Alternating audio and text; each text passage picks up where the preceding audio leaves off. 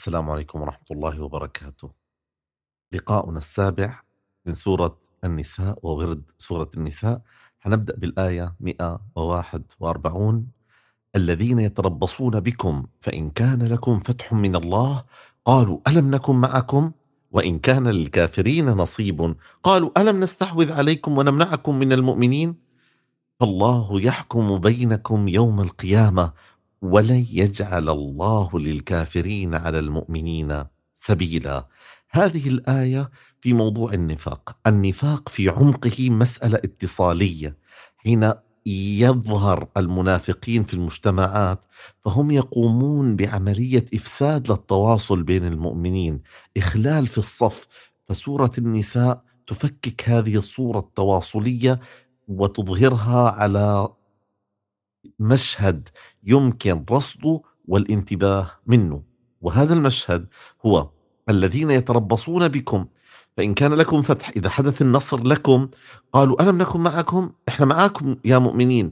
وإذا كان الكافرين انتصروا قالوا ألم نستحوذ عليكم ونمنعكم من المؤمنين؟ ما حميناكم من المؤمنين ونحن انتبهوا ونحن مع المؤمنين حتى حين يخاطبون المخالفين والكفار هم يقولوا إحنا مع المؤمنين لكننا ناصرناكم وحميناكم فالله يحكم بينكم يوم القيامة ولن يجعل الله للكافرين على المؤمنين سبيلا. الآية ختمت بشكل ممكن تكون ولن يجعل الله للمنافقين على المؤمنين سبيلا لماذا ختمت للكافرين على المؤمنين سبيلا؟ وكأنها تتحدث عن أهل النفاق وأن السبيل الذي يتحصله أهل الكفر على من يظهر أنهم من أهل الإيمان إنما هو ليس على المؤمنين الحقيقيين. والسؤال من سمح لأهل الكفر أن يكون لهم على المؤمنين سبيلا؟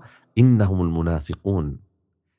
سمحوا بذلك ولذلك أول ما يتجاوز فعليهم وإذا تجوز على المؤمنين فبسببهم ولذلك إن المنافقين يخادعون الله وهو خادعهم وإذا قاموا إلى الصلاة قاموا كسالى. الكسل يراؤون الناس وتكلمنا عن الرياء في مقاطع سابقة وأنه ضد الإيمان بالله ولا يذكرون الله إلا قليلا. هذه الثلاث صفات. ثم مذبذبين بين ذلك لا إلى هؤلاء ولا إلى هؤلاء. ليسوا واضحي الوجهة ومن يضلل الله فلن تجد له سبيلا. عجيب. معنى أنه يضلله الله. كيف يضلله؟ حتأتي الآيات بشكل عجيب في المقطع هذا أو التالي تتحدث عن من الذي يضله الله ولماذا يضله الله. يا أيها الذين آمنوا لا تتخذوا الكافرين أولياء من دون المؤمنين. أتريدون أن تجعلوا لله عليكم سلطانا مبينا؟ عجيب هذه الخاتمة أيضا للآية. أتريدون أن تجعلوا لله عليكم سلطانا مبينا؟ كيف يكون لله على المؤمنين سلطانا مبينا؟ إذا اتخذوا الكافرين أولياء فعل المنافقين إذا حدث ذلك الله عز وجل يكون له عليهم سلطانا مبينا. حينها ينبههم اللي بيجري هذا المجرى مؤمنا كان وفعل الفعل الخاطئ. تكلمنا في المقطع السابق ليس بأمانيكم ولا أماني أهل الكتاب. أو كان منافقا مدركا لنفاقه. إن المنافقين في الدرك الأسفل من النار ولن تجد لهم نصيرا إلا الذين تابوا وأصلحوا واعتصموا بالله وأخلصوا دينهم لله فأولئك مع المؤمنين وسوف يؤتي الله المؤمنين أجرا عظيما. ما أرق الآيات؟ كلما اشتدت جاء ما ينقذ القارئ لهذه الآيات من غفلات نفسه فييقظها ويعيدها إلى الهدى. ما يفعل الله بعذابكم إن شكرتم وآمنتم وكان الله شاكرا عليما. هذه الآية رد صريح وقوي لمن يظن أن الله عز وجل يريد أن يبتليه ويمتحنه ويضعه في العذاب.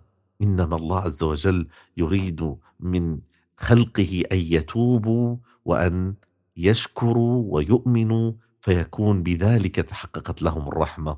لا يحب الله الجهر بالسوء من القول إلا من ظلم. وكان الله سميعا عليما. رقيقة هذه الآية ومعناها لطيف حيث أنها تتكلم عن نفسية الذي ظلم وأنه لا يستطيع أن يكبت هذا الشعور فيتكلم وهو الوحيد المأذون له بأن يتكلم بالسوء عن ظالمه.